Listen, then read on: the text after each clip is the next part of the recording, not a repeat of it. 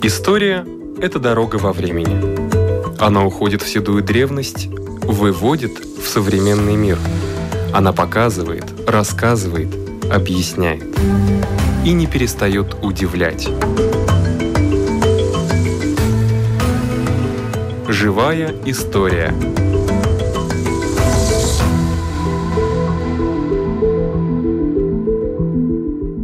У микрофона Лидия Чера.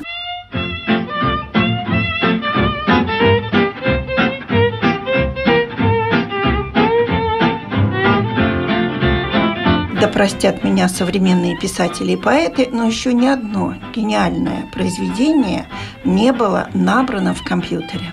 Большей частью написано от руки или напечатано на печатной или, как говорят, пишущей машинке. С точки зрения вечности, время работы печатных машинок, по-моему, небольшое. Хорошо, если лет сто. Но об этом, наверное, лучше знает один из организаторов выставки, представитель Музея литературы и музыки Элина Друлле. Так сколько времени печатной машинки? Какой срок ее жизни?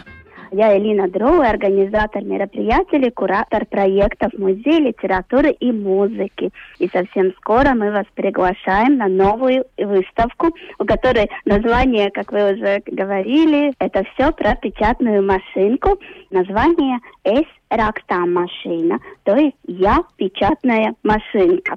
И вы задали вопрос, откуда самые первые машинки. У нас есть свидетельство, что это конец XVI века. И это Италия, где были первые машинки изобретены, а потом уже коммерческие первая машинка. Это 1867 год, Ремингтон. И это было предприятие швейное, потому у этой первой печатной машинки была педаль.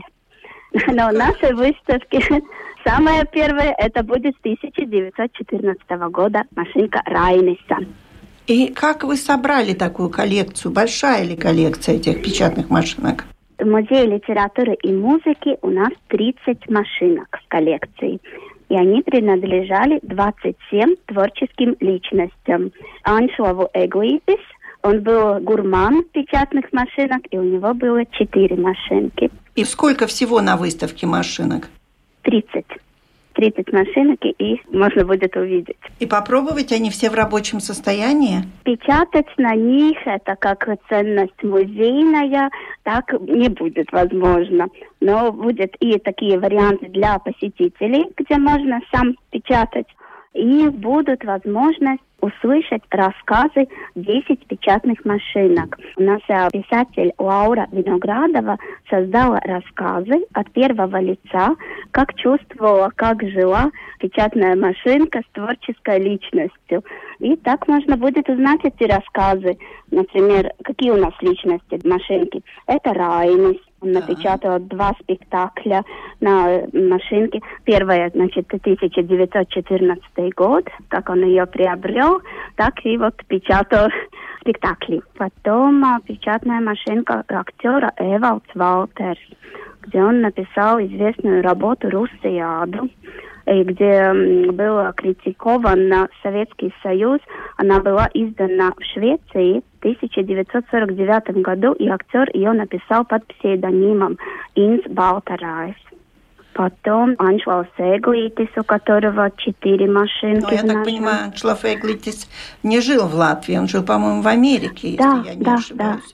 Да, и машинки были с ним. Потом попали у нас в музей, начиная от эстетики 30-х годов, такие черные, до электронной печатной машинки. Ну, для нашей аудитории не совсем понятно, кто такой Аншлав Эглитис. Если Эвалд Валтерс актер Райниса знаем, а вот Аншлав Эглитис, он кто? Он и писатель, и поэт, Журналист, а, он, насколько я знаю. И он в Голливуде журналистом потом уже работал, когда эмигрировал и рисунки создавал. Очень творческая личность. Знаю, что у него даже есть фотографии с Терминатором. Да, много-много с известными личностями, да, фотографии. Арнольдом Шварценеггером, это я видела, а других я не знаю, с кем он еще, кого он брал интервью. Если правильно помню, и Джек Николсон, и Джейна Фонда, и, ой, много очень известных актеров. Значит, мы дошли до Эглитиса, это третий. Много этих личностей, да, ну, у нас 27 творческих, но вот я перечисляю некоторых Вероника Стрелерте, поэтесса, и ей в 30-е годы Эдвард Вирза писал э, любовные письма и стихи, которые она на печатной машинке перепечатала и сохранила. И вот увидим ее машинку тоже на выставке. Кнут Скуинец, тоже очень рассказ серьезный. Он из Легера писал своей жене стихи на очень маленьких, тонких бумажечках. И жена потом это перепечатала на печатной машинке и потом распространяла. И вот эти все стихи, которые из лагеря пришли, только в 1990 году издали в сборнике «Сэкла снега». Или, например, печатная машинка автора Зента Эргле – Наверное, тоже да. многим ностальгия детства. Так вот, ее рассказ, она писала рукой свои произведения, а ее муж это все перепечатывал на печатной машинке. Эти вот да, детские да. рассказы. Да, mūsu sētas bērni, да. про первую любовь много рассказов. И выставка, значит, с 4 июня и длится до 29 октября. Всех ждать. Это Но на это, Пулка 8. Это очная или виртуальная выставка? Очень надеемся на очную и ждем с нетерпением зеленый свет посетителям, потому что выставка на Пулка 8, там где музей Укратуве, и это, это все... Пардаугова, да. Пардаугова, да. Это все можно будет увидеть, услышать, услышать, потому что вот эти рассказы, которые можно услышать с первого лица, и также композитор Якоб Ниманис создал звуковую аудиенцию.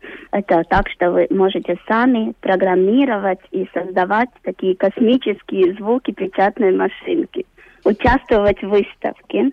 Ну что ж, я хочу пожелать вам, чтобы ваша выставка состоялась, чтобы пришли люди, естественно, так, как будет положено. Ну а если нет, то, возможно, будет в компьютере послушать ваши космические звуки да. и услышать и... рассказы от первого лица. Конечно, и с 4 июня, когда открытие с 13 до 15, можно будет увидеть э, в социальных сетях Facebook и на домашней странице музея. Открытие выставки с композитором и с этим мероприятием. Спасибо большое Элене Друлле, представительнице Музея литературы и музыки. Спасибо, будем ждать вас всех.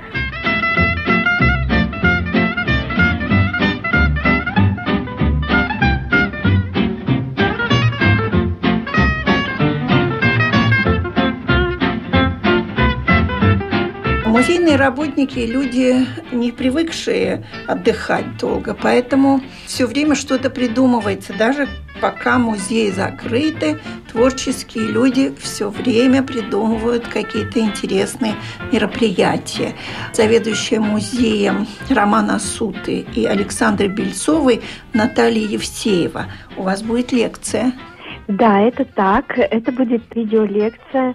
Ее можно будет посмотреть в профиле музея в Фейсбуке, будет онлайн-трансляция, прочитает эту лекцию искусствовед, специалист по сценографии Анита Ванага.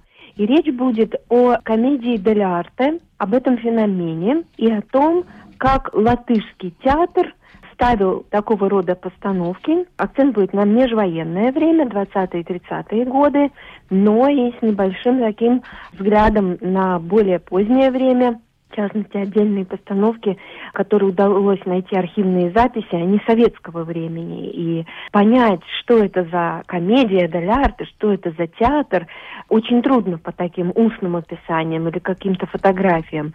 А вот увидеть один раз вживую, как это происходит, это уникальная возможность. И вот благодаря Аните Ивановне мы сможем это все узнать, окунуться в этот мир итальянской комедии. И разговор, конечно, будет не только о театре, но и о художниках.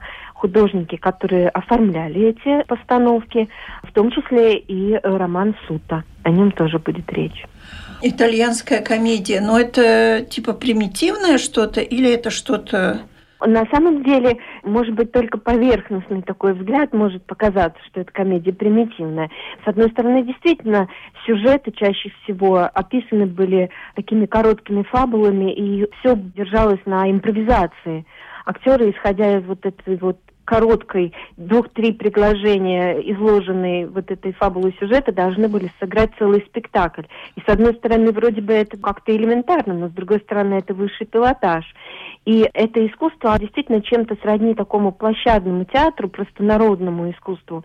Было очень любимо такой простой публикой. Выступали они, как правило, на карнавалах, каких-то ярмарках. Отсюда и связь с карнавалами почему на нашей выставке, на которой мы рассказываем вот об Орликинах, Пьеро, об этих образах в искусстве и о карнавалах, которые устраивали художники, вот такая косвенная связь с театром и с комедией дель арте. Но вот благодаря своей такой простоте, доходчивости, очень была любима зрителями. И популярность свою пережила в 16 веке, когда из Италии постепенно распространились эти трупы, путешествовали по всей Европе, и спустя некоторое время, смешавшись вот э, с местным европейским театром, обогатив театральную традицию Европы, такой академический театр, на долгое время сама Дель Арте в чистом виде была забыта. И только в XIX веке, к концу XIX века, театральные э, режиссеры вспомнили, возвратились к этой итальянской комедии, чтобы оживить театр, освободить его от лишней театра такой литературности, чтобы актеры могли быть э, более такими пластичными, органичными, не выглядели такими вот э, как заучивающими роли персонажами. То есть вот такая живость, свобода, все это было связано с идеями реформации театра, изменений, которые вот в нем произошли в начале 20 века. И очень ярко это проявилось э, в русском театре.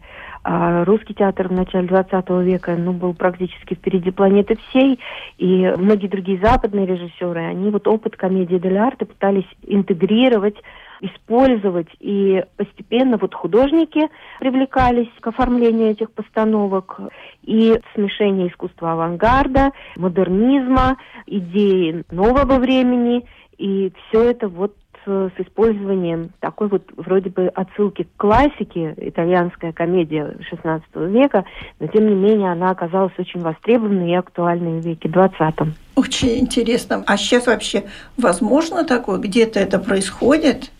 Но вообще, судя по интернету, я искала об этом информацию. Есть в Италии особенно такие группы, театры, организации, которые пытаются сохранить вот в аутентичном виде комедию дель арте, эти традиции, пытаются ставить такие реконструкции этих постановок, которые когда-то проходили. Известны некоторые отдельные актеры, это просто актеры-легенды, с которых начиналась вот эта театральная традиция. И в Италии об этом очень помнят, чтут, считают это своим национальным наследием. Есть много таких вот исторических материалов, собранных об этом. И принципе, у каждого персонажа своя история, своя маска, костюм, описание этого персонажа. По сути, это вот такой сбор, это еще второе название, комедия масок где все персонажи одни и те же, путешествуют из постановки в постановку, из пьесы в пьесу. И зрителями мгновенно узнаваемые. Это такие типажи. Один это вот такой грустный поэт, влюбленный, неразделенный Пьеро. любовью, это Пьеро, скажем, такой немного брутальный, наглый, такой смелый, это вот Орликин, да, и Колумбина обычно это вот в этом любовном треугольнике, и обычно она выбирает э, Орликина, предпочитая ему Пьеро остается как бы ни с чем. Но, по сути, все это тоже, опять же, у Италии надо помнить связь с античной традицией. Эти шуты, так называемые дзанни, вот Орликина, Пьеро к, ним, к их числу относятся, их прообразы – это фавны античные. Это вот такие шуты, развлекающие публику. И были главные персонажи в этой комедии. Всегда такая, ну, лирическая линия, такие аристократы. Вот на фоне их высоких чувств и любви разворачивалась вот эта комедия с такими вот простонародными людьми, вот этими дзанни. И сочетание высокого и простонародного, какого-то изысканного и брутального чего-то. Юмор – и какая-то трагедия, над которой почему-то вот так обыграно что все начинают смеяться. То есть это такое соединение противоположностей. И это прослеживается как в сюжете, так и вот в каждом из отдельных этих образов. И это действительно очень такая серьезная, глубокая театральная традиция, которую в Италии очень чтят, и наверняка там можно это увидеть. И что-то я даже смогла найти в интернете, такие реконструкции. Иногда это даже пьесы, которые играются без слов, как пантомима. И пантомима как раз тоже оттуда родом из этого театра. Очень интересно. А у нас в Латвии постановки 20-30-х годов были? Да, да, вот об этом и будет речь в лекции, как было переосмыслено вот это наследие комедии Дель Арте, какие пьесы выбирали для постановок, почему, на что ориентировались, какой современный контекст привносился вот в эти пьесы, потому как комедия дель арте это всегда такой немножко, ну, наверное, сегодня мы бы это сравнили со стендапом. Это да. всегда должна быть привязка к чему-то актуальному, тому, что происходит сегодня. И вот режиссеры 20-х, 30-х годов, они пытались тоже внести эту актуальную повестку. Или символическим способом, а иногда совершенно, ну, прямым, конкретным. Ну, вот, например, такой режиссер Заринч, который ставил пьесу, не оперу, а пьесу «Принцесса Турандот». Вот декорации и костюмы к ней рисовал как раз э, Роман Сута. Это, опять же, еще такая игра, это комедия в комедии. Это сказка про сказку. То есть там как бы получается двойной такой вот э, заворот сюжета, и вроде бы происходит повествование о вот этой китайской принцессе, а между вот этими сценами выходят на сцену вот эти дзани, вот эти шуты, панталоны, Орликин, Пьеро, вот эти вот э, шуты, да, и рассказывают какие-то новости новости вот вчерашнего дня смешном таком изложении. То есть это чистый стендап такой в нашем понимании. И публика на тот момент пишется, что не смогла это понять. Местная наша публика не была к этому подготовлена. Им показались эти отступления странными, непонятными, ненужными. Но на самом деле это было очень прогрессивно на тот момент. Это, по сути, была такая перенесена на нашу почву постановка «Принцессы Турандот» э, в Москве, которая происходила несколькими годами ранее, и которую видел вот э, этот режиссер Якоб Заринч, и он попытался повторить ее на нашей латышской сцене в Елговском рабочем театре. Да, но вот сейчас, когда вы рассказали, я понимаю, что во многих постановках элементы этой итальянской комедии были очень много да. и в Национальном театре, и в театре Дайлес. Вот сейчас да. вспоминая вот эти вот элементы именно, не, не полностью вот именно угу. это итальянская комедия Дель Арте, масок, но фрагменты или ведущие, или какие-то вот отступления от сюжета да. тоже очень часто заменялись вот этими такими ну, совершенно верно, да, потому что это действительно еще в XVI веке комедия дель арте смешалась вот с э, европейской театральной традицией, и уже тогда и Мольер, и Шекспир, они все это ассимилировали, впитали такие вот эти элементы отдельные. А вот в начале XX века произошло вот это второе возвращение, и по сути потом дель арте совсем не уходила. Вот какие-то отдельные вещи были усвоены, и остались. Пантомима, пластичность, когда актер играет да. телом. Это то, что берет свои корни оттуда. Но не всегда это в прямом виде, как такая отсылка к Делярте. И это не тот персонаж, которого мы узнаем, там, как Орликина в этом костюме. Но это могут быть такие непрямые отсылки. Тот же Чарли Чаплин, вот, мне кажется, мы с вами говорили уже об этом в предыдущий раз. Чарли Чаплин это тоже такой своего рода Пьеро. Такой вот несчастный маленький человек, такой вот поэт. И это, по сути, такая трактовка современная того классического образа. И это как архетипы такие, которые путешествуют вот из одного сюжета в другой. Но и опять же, именно театральное мастерство оно вот обогатилось за счет этой традиции итальянской комедии. Ну, Актеры-импровизаторы, это тоже оттуда. Это сложно. Я не представляю вообще актеров. Это высший которые... пилотаж, да. Да, это не так просто все. И к импровизации я даже не знаю, какие актеры способны. Может быть, mm именно на каких-нибудь площадях, на карнавале mm это одно дело. А в традиционном нашем театре, чтобы импровизировали, не представляю. Да, это особый дар. Ну и вот многие режиссеры как раз тот же Мейерхольд, например, который на многих повлиял, в том числе вот Янис Мулцис, сценограф, который э, ставил здесь, вот оформлял, вернее, многие из постановок комедии Дель Арте, он учился у Мейерхольда.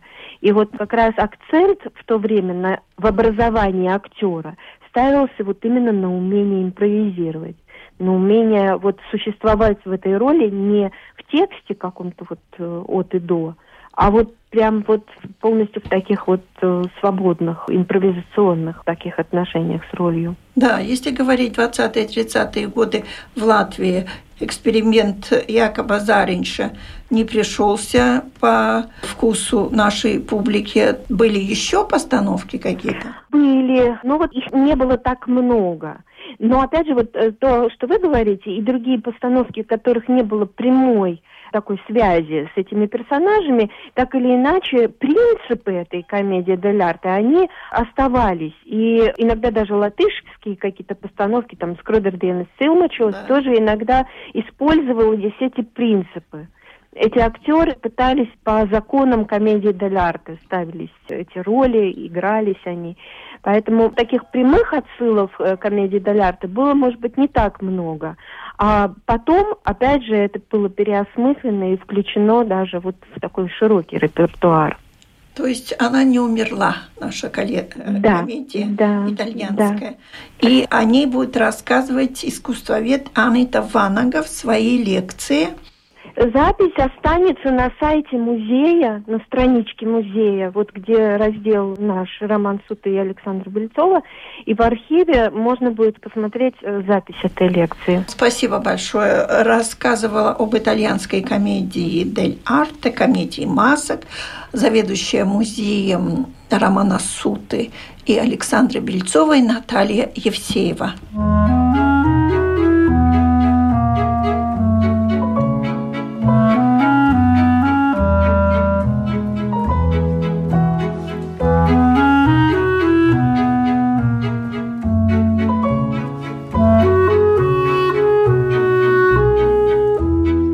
ж, для тех людей, которые гуляют по старому городу, по старой Риге, всегда есть возможность оценить новую экспозицию музея фарфора.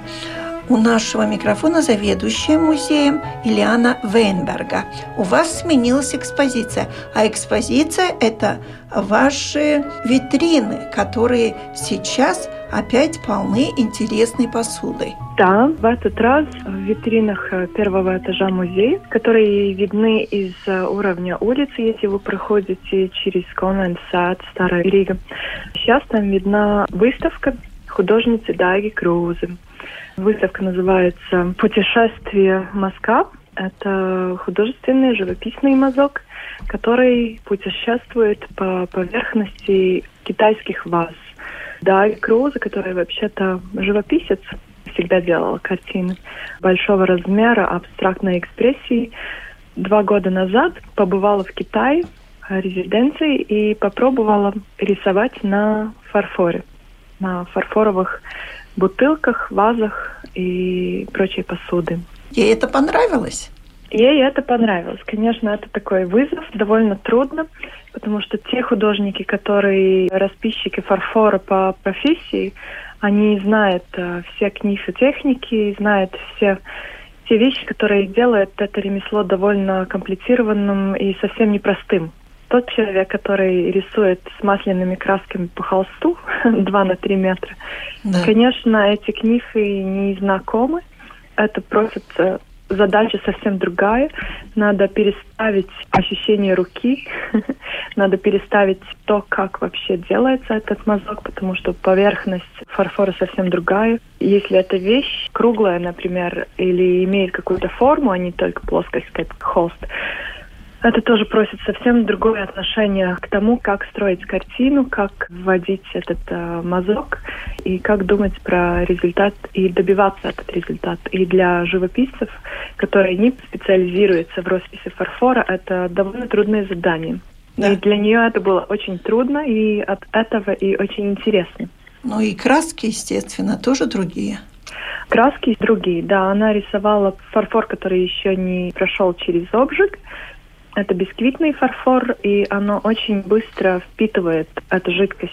Угу. Она расписывала кобальтом. Кобальт, э, когда не прошел обжиг, он такой черненький, темно-серый, черненький, и потом после обжига приобретает этот свой прекрасный э, синий цвет. Ух, как интересно. Да. И впитывается в этот э, бисквитный фарфор сразу. Так что если ты привык работать масляными красками и делать такой длинный, драматический, экспрессивный мазок, тогда на поверхности бисквитного фарфора, к сожалению, это невозможно. Это больше как с акварелью, когда сразу впитывается эта краска в поверхность.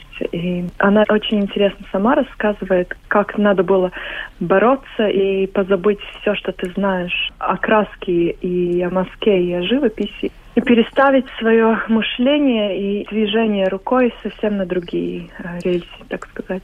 Ну и тем более ты не знаешь результат, то есть э, интенсивность этой окраски ты не знаешь, когда ты кладешь мазок, в результате после обжига ты получаешь то ли, что ты хотел, или то, что получилось, то и получаешь. Да, да, ну это так, это так. Э, от этого очень хорошо, что такие художественные лаборатории, резиденции, которые предлагают художникам возможность пробовать, пробовать, пробовать, делать, делать, делать с утра до вечера, каждый день, все время, пока ты там находишься. Да. И эта китайская фабрика позволила так. Дайга Круза там была не одна, но была совместно с Элейн Титан, художница фарфористка из Латвии, и Илон Ромул, одна из uh, выдающихся фарфоровых художниц из Латвии тоже.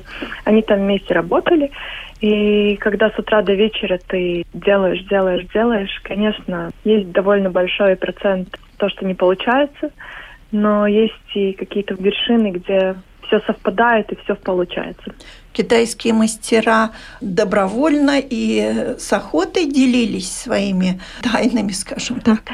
Не затрудняюсь ответить на этот вопрос, потому что это я надо не знаю, с ней да. говорить, да. Да, это надо с ней говорить. Ну, конечно, та традиция, которая есть в Китае, очень отличается от традиции росписи фарфора в Европе. И вообще традиции искусства очень отличаются. А вот э, тот результат, который у Дайги Крузы уже есть, это симбиоз чего-то латышского и китайского, или это именно вселиться в душу китайца и сделать да. именно китайский продукт такой? Нет, это чисто ее живопись, э, да. ее визия, ее идеи, видение и исполнение. Личностность а, осталась. Да, да, с китайской традицией это совсем не имеет ничего общего. Так что да, эти традиции очень-очень отличаются. Китайская более поставлена на ремесленные знания, на четкое исполнение техники, на виртуозность э, традиций. А это европейская такая наша линия, более живописна, более про индивидуальную визию и индивидуальный почерк конкретного человека, конкретного художника, а не традиции. Да. да, очень отличается. Это кружки, это что? Какие предметы? Это кружки, карафины, вазы. Оригинально это не вазы, это такие большие бутылки для алкоголя, которые Дайга обработала, и они по-нашему выглядят как вазы. И их можно использовать, конечно, как вазы, потому что в таких емкостях мы не храним а, алкоголь дома. Да, но опыт приобретен, и опыт дорогого стоит, скажем да, так. Да, это опыт, и это очень интересный тоже факт для музея, потому что, как я говорила уже, что художники, которые специализируются по росписи фарфора или по работе с фарфором, это одна такая традиция, одна такая линия. В Латвии прекрасные художники, которые работают и с формами, и с декорами, расписывают рукой и так далее. Но есть одна посторонняя линия, эти художники, которые не работают с фарфором повседневно, которые живописцы или графики, или делают там видеоинсталляции, они пробует свою руку другой медии, это роспись фарфора, и результат очень интересный. У музея в коллекции есть работы Хелен Хейнриксона, например, она очень выдающийся живописец, но вот есть такой побочный шаг, когда пробует и фарфор. Ее муж Иверс Хейнриксон, например, Татьяна Кривенкова, которая очень хорошо уже знакома как художница по фарфору, хотя оригинально живописец, график, э, работает с кореями, выставляет свои работы, которые созданы на плоскости бумаги, на холсте. Так что Дарья Круза вот присоединяется, это новое поколение, уже молодые художники, которые присоединяются этой плеяде знакомых и выдающихся живо художников, да, которые пробуют свои силы, расширяют свои горизонты на другие материалы.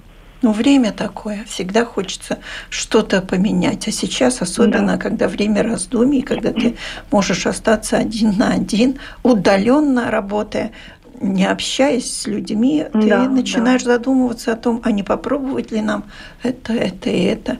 Вообще во все времена так было. Да. Если да, взять, например, очень... того же живописца Романа Суту, то он делал да, и плакаты, да. и чем только не занимался. Да, да. Ну, Роман Сута это был такой идеологический настрой. Это внедрить искусство в жизнь.